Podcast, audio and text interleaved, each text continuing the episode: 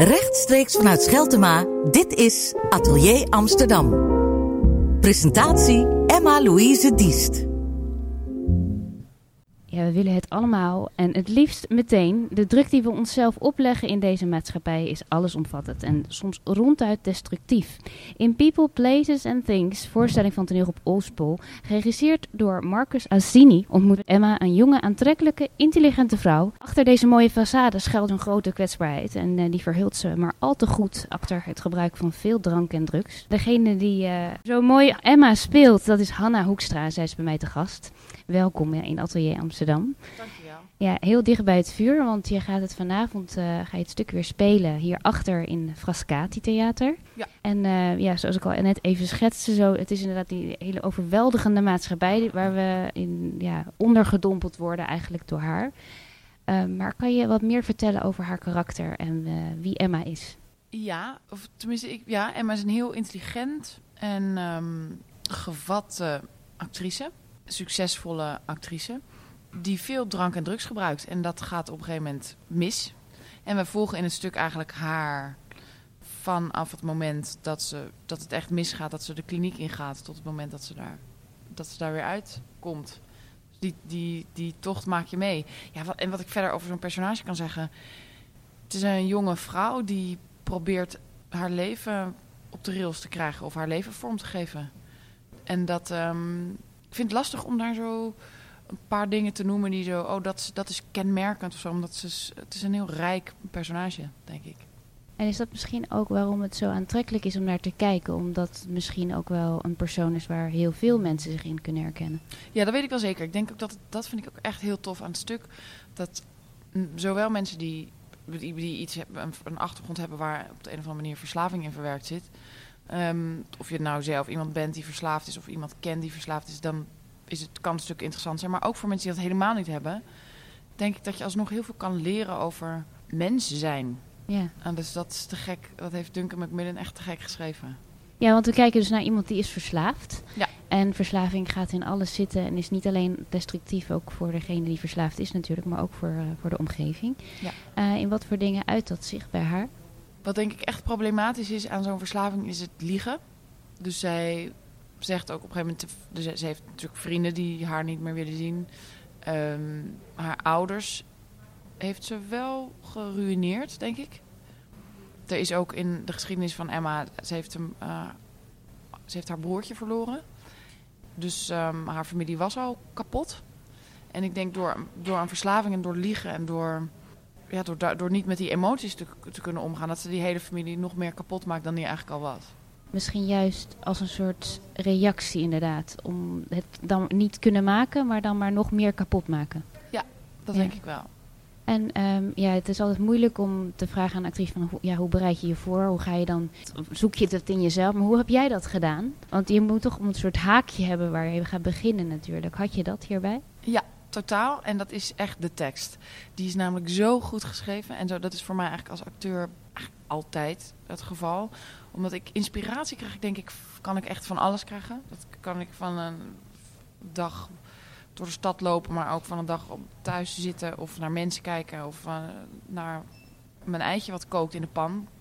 Dus de inspiratie krijg ik denk ik van alle dingen, maar waarop ik, hoe ik me voorbereid is, is uh, het stuk heel goed lezen en zorgen dat ik dat begrijp en dat ik snap welke kronkels ze allemaal in haar hoofd maakt. En dat heeft Hanna van Wieringen, die heeft de vertaling geschreven, die heeft dat zo super goed gedaan. Dus dat is eigenlijk intuïtief was het al vrij snel.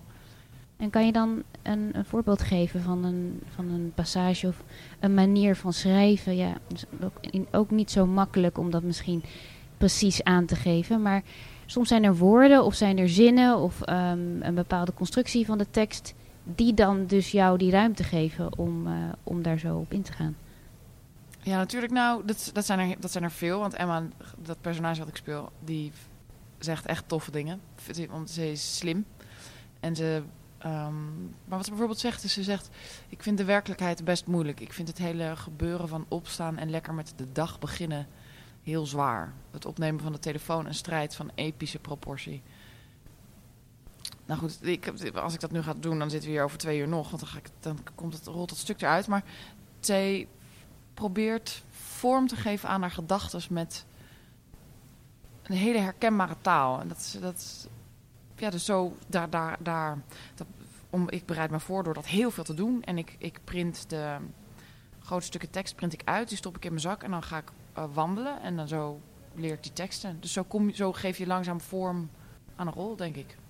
En zijn er dan ook echt beelden die dan bij je opkomen als je zo'n tekst uh, je eigen maakt? Ja, dat is, ja, natuurlijk. Ik denk dat je als acteur, dat, dat, dat is mijn werk. Ja. Want als ik niet de beelden krijg bij dingen die ik zeg, dan krijgt het publiek dat ook niet. Dus ik heb wel bij alles wat ik zeg, ja, het, dat, dat wordt tijdens een repetitieperiode steeds helderder um, uitgetekend zich dat uit eigenlijk. En sommige dingen blijven tot, het, tot vlak voordat je gaat spelen nog onduidelijk of onhelder. En die moeten dan ineens nog tijdens het spelen vorm krijgen.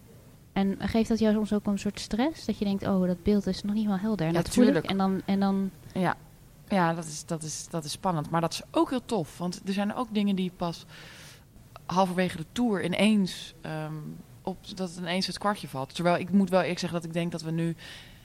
Dit stuk is zo helder en voor mij zo duidelijk... dat ik, bij alles heb ik, een, heb ik natuurlijk, want anders kan ik het niet spelen, een heel duidelijk beeld. Maar er zijn natuurlijk wel dingen die tijdens de tour nog kunnen bijscherpen of nog kunnen, nog preciezer of nog... Ja. Um, of ineens een, een, een, kleine andere touch krijgen, omdat je ineens een scène beter begrijpt, omdat je hem zo vaak gedaan hebt. En dat vind ik eigenlijk alleen maar heel erg cool. Het is wel bijzonder dat je zegt helder, een helder beeld een helder beeld van iets wat eigenlijk helemaal niet helder kan zijn natuurlijk. Als we het over de maatschappij hebben. Ja. En over iets waar zij controle over wil hebben met uh, wat, waar, waar, je dus geen controle over kan hebben. Ja. Um, hoe maak je een helder beeld van iets wat niet helder is?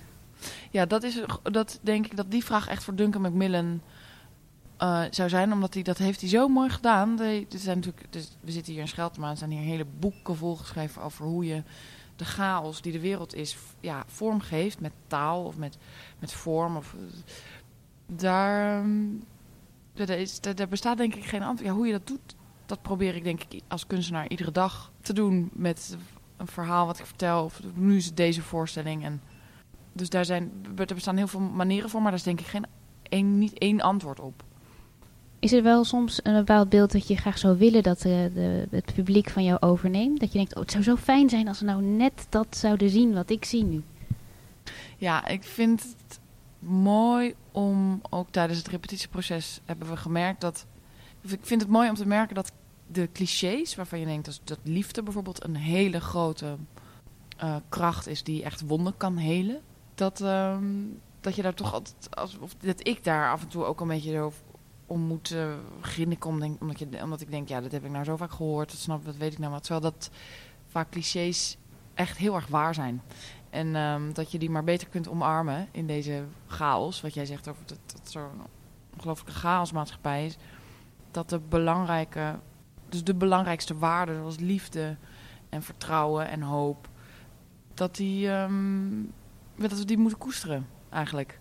Dus dat, dat is denk ik, dat is wel iets wat ik mooi vind aan dit stuk. En is dat misschien iets wat we in deze maatschappij zijn kwijtgeraakt? Dat we dat niet meer kunnen vinden, die steun daarin? Ja, dat zijn hele grote vragen. Dat, uh, er zijn dagen dat ik dat denk. En er zijn ook dagen dat ik, dat ik juist denk dat, we, dat er heel veel liefde is. En heel veel hoop en heel veel vertrouwen. En dat we het met z'n, of met z'n allen, dat, dat het... Um, ja, dat is ook wie, wat wij als mens, waar we mee te dealen hebben of zo. En soms lukt dat en soms lukt dat niet. Ja, maar het kan ook zo, zou zo kunnen zijn dat we, die vorm, dat we het in een andere vorm moeten gieten. Ja, dat zou En dat we wellicht met deze tekst daar ook uh, een steentje aan kunnen bijdragen. Ja, dat we een beetje houvast kunnen bieden aan de mensen die ook net als wij hele grote vragen hebben over hoe het moet met dit ja. bestaan. Ja, nu, nu, klinkt het alsnog heel helder, maar ik heb wel het idee dat als we naar dit stuk gaan, dat we flink um, door elkaar gehusteld worden. Want niet alleen het decor, ontwerp, denk ik, en uh, ook de kleding. Want de kleding is ook nog echt uh, ook best wel overweldigend door David Lapoor gemaakt. En uh, wat je, je zei al eerder, had je het even over het decor. Um, hoe werkt dat in jouw voordeel als acteur bij dit stuk? Het is leuk dat in een repetitieproces krijg ik op het moment dat het decor erbij komt dus, en dat je de kleding aankrijgt, krijgt een rol en een stuk zo stapje voor stapje steeds meer vorm. Maar het zijn ook dingen die soms lastig zijn, omdat het, het is een vrij uh, abstract decor. Waar je, waar je in het begin ook van kan schrikken als acteur. Of zo, weet je wel, omdat het lastig is om dan vorm te geven aan realistische situaties. Met, met um, een abstractie. Maar bij- sowieso bij dit fantastische decor door, gemaakt door Dennis van den Broek... hebben we dat vrij snel kunnen omarmen en wordt juist een, een, ehm, iets wat eerst lastig is, juist daarna heel interessant en heel prettig om te gebruiken. En Het heeft een soort tegenwicht, dat decor. Dus je moet er ook hem ergens een beetje tegen vechten. ja, natuurlijk. Of tenminste, in dat, in- gelukkig nu niet meer, omdat we Nee. hebben het nu als acteurs eh, in de klauwen en weten we precies wat we wel en niet met dat decor kunnen en moeten en mogen doen. Maar in een repetitieproces dat heel erg zoeken en vechten en onhandig. En, eh, maar dat is tof. Ik denk dat dat heel veel oplevert. Kon je dat eh, eh, betrekken bij het gevecht dat Emma levert? Ja, uiteindelijk, gelukkig komt dat samen. Dat is eigenlijk vaak zo als je als acteur in een decor komt te staan. Waarvan het, dus de tekst is natuurlijk eerst papier en dan moet het in je hoofd. En dan wordt het 3D, want dan moet het in de ruimte. En ehm, dat is wel altijd het moment om je kop te stoten als het decor erbij komt. Omdat het je... je Ik zie het nu letterlijk gebeuren, ja. ja, ja, ja, ja dus dat, dat kan ook. Heb ik wel eens mijn kop... Ja, ik heb zeker weten wel eens mijn kop letterlijk gestoten aan dat ding. Eh, iedere dag nog. Maar, ehm oh classic, nu ben ik de vraag kwijt. Nou, hoe zo'n decor inderdaad jij dan helpt, of juist niet helpt, Oh ja, en waardoor het wel dat- weer ja. helpt. Ja, precies. Nee, dus dat antwoord is denk ik duidelijk te maken. Ja. duidelijk geworden. Ja, dus hierbij ehm, word je daarbij ook een beetje geholpen. Want dat, inderdaad, eh, als we het begint dus met, een, met het, het grote gevecht van Emma. Uiteindelijk zeg je dat ze dus ook de kliniek gaat verlaten. Dat we dat moment ook eh, meemaken. Dus dat er een soort omwenteling is. In ieder geval dat het op een gegeven moment langzamerhand doordringt... dat er misschien ook een andere manier van leven is dan alleen ehm, dat harde wat ze gewend is. Hoe gaat dat? Wat, hoe, kun je daar al iets over zeggen zonder te veel weg te geven? Zonder spoilers te maken. Nou, wat die tekst die ik net even, waar ik net aan begon, dat ze zei, ik vind de werkelijkheid best moeilijk. Het is natuurlijk voor iedere verslaafde en voor ieder mens, eh, denk ik heel wat lastig is om de werkelijkheid aan te kunnen. En als dat, dus Emma heeft dat in haar eh, leven opgelost met heel veel drank en heel veel drugs. En op het moment dat je uit een kliniek gaat, leer je als het goed is hoe je om kan gaan met de werkelijkheid. Terwijl die drank en de drugs, wat je altijd gewend bent, terwijl die wegvallen. En zonder daar al te veel over prijs te geven, haal ik toch ook weer die clichés erbij, zoals liefde. En ehm, je gesteund durven voelen door andere mensen om je heen. Dat onze regisseur die zegt, die hamert ook altijd ontzettend op dat. En daar heeft hij helemaal gelijk in. En dat is echt denk ik wel een van de allerbelangrijkste dingen die we als mens moeten onthouden en vormgeven. En dat is verbinding. Dus dat is denk ik ook voor een verslaafde die uit een kliniek komt heel erg belangrijk. Dat je verbinding zoekt met mensen, omdat je liefde maakt met mensen. ehm, in plaats van met alcohol en drugs. Ja. En moest je daarin ook praktisch, ja, echt letterlijk dingen eh, langzamerhand veranderen? De manier waarop je reageerde als Emma op toneel? Dat je dacht, nou moet ik langzamerhand die zachtheid introduceren? Ja, ja tuurlijk. Dat, is- dat hebben we tijdens de repetities heel erg gezocht. Waar moet dat... Ja, waar, waar komt dat... Ja, waar, waar, waar, mag, waar durft Emma dat te laten zien? Haar kwetsbaarheid. Dus dan ben je echt aanzienlijk iets rustiger aan het einde van het stuk dan dat je begint. Ja, dat ga ik natuurlijk niet verklappen. Ja, ik dacht, ik ga het toch even Ja, proberen. ja, dat snap ja, ja, Dat snap ik, ja. ja. En zijn er nog bepaalde dingen die je moet doen om jezelf op te maken om zo... Want je denkt dat zo'n stuk heel hard binnenkomt voor, de, voor het publiek. Maar dat is ook voor jezelf als act- act- acteur denk ik ook wel even een soort aanloop die je even moet nemen. ja. Zijn er dan bepaalde dingen die belangrijk zijn voor jou? Voordat je opgaat of voordat je jezelf klaarmaakt voor zo'n stuk? Dat is zo moeilijk uit te leggen, omdat het, is zoiets abstracts. Het is natuurlijk een hele... ehm, ik, moet, ik moet wel een hele scherpe concentratie hebben voordat ik ga spelen. En hoe ik dat precies bereik...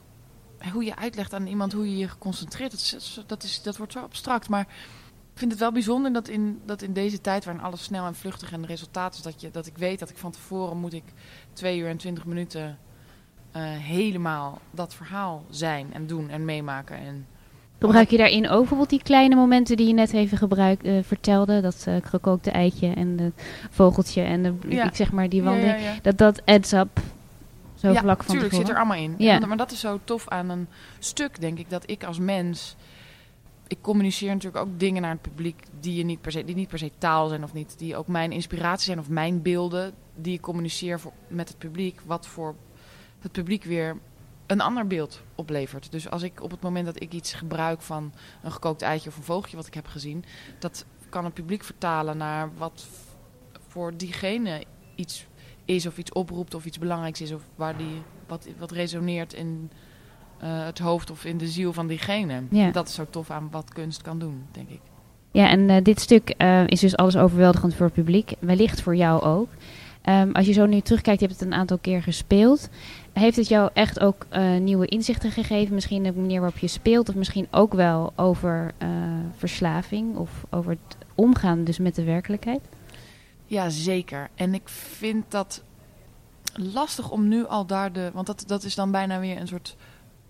Dus dat residu van wat dan overblijft na een voorzing, van hoe je inderdaad dan nou, dat is natuurlijk in ontwikkeling nog steeds. Precies. Maar dus dat, het kan zijn dat je daar nu al langzaam dingetjes ja. ziet die, die, je verwonder, ja, die je verwondering geven. Een gevoel van, ja. hey. Ja. ja, heel erg. Nou, die, die verbinding is denk ik heel erg belangrijk. En verder is het nu nog, is het, probeer ik me nu eigenlijk iedere avond me helemaal over te geven aan het stuk en aan deze rol. Dus, dus daar durf ik nu ook nog niet te veel afstand. Ik heb daar nog geen afstand uh, over tot. Geen afstand tot. Over. Whatever. Precies, je zit er middenin. Ik zit er dat is duidelijk. Middenin. Ik denk dat je dat nog even van moet vasthouden, en, uh, maar dat dat waarschijnlijk gaat lukken. Um, ja, en nu willen we dit natuurlijk allemaal zien. We willen meemaken wat Emma meemaakt. En uh, wat we wellicht eigenlijk allemaal al aan het meemaken zijn. Maar waar we toch nog lekker mee geconfronteerd willen worden. Um, jullie spelen nu uh, nog in Frascati Theater. Maar dat is allemaal al vol. Maar je kunt wel op de wacht, in de wachtlijst natuurlijk. Ja, deze week is het allemaal vol. Maar volgende week zijn er nog een paar kaarten. Dus mensen okay, moeten heel snel gaan klikken. Ja. Nou, um, uh, ik zou iedereen aanraden te gaan klikken. Ja, en in en, maart komen we ook nog even precies, in maart. En jullie spelen ook sowieso gewoon door heel Nederland. Dus Nederland is iets groter dan alleen Amsterdam. Zeker weten. Dat moeten we toch maar wow. eventjes onder ogen zien. uh, heel erg bedankt Hanna voor dit gesprek. En uh, toi toi toi voor vanavond. Dankjewel, graag gedaan.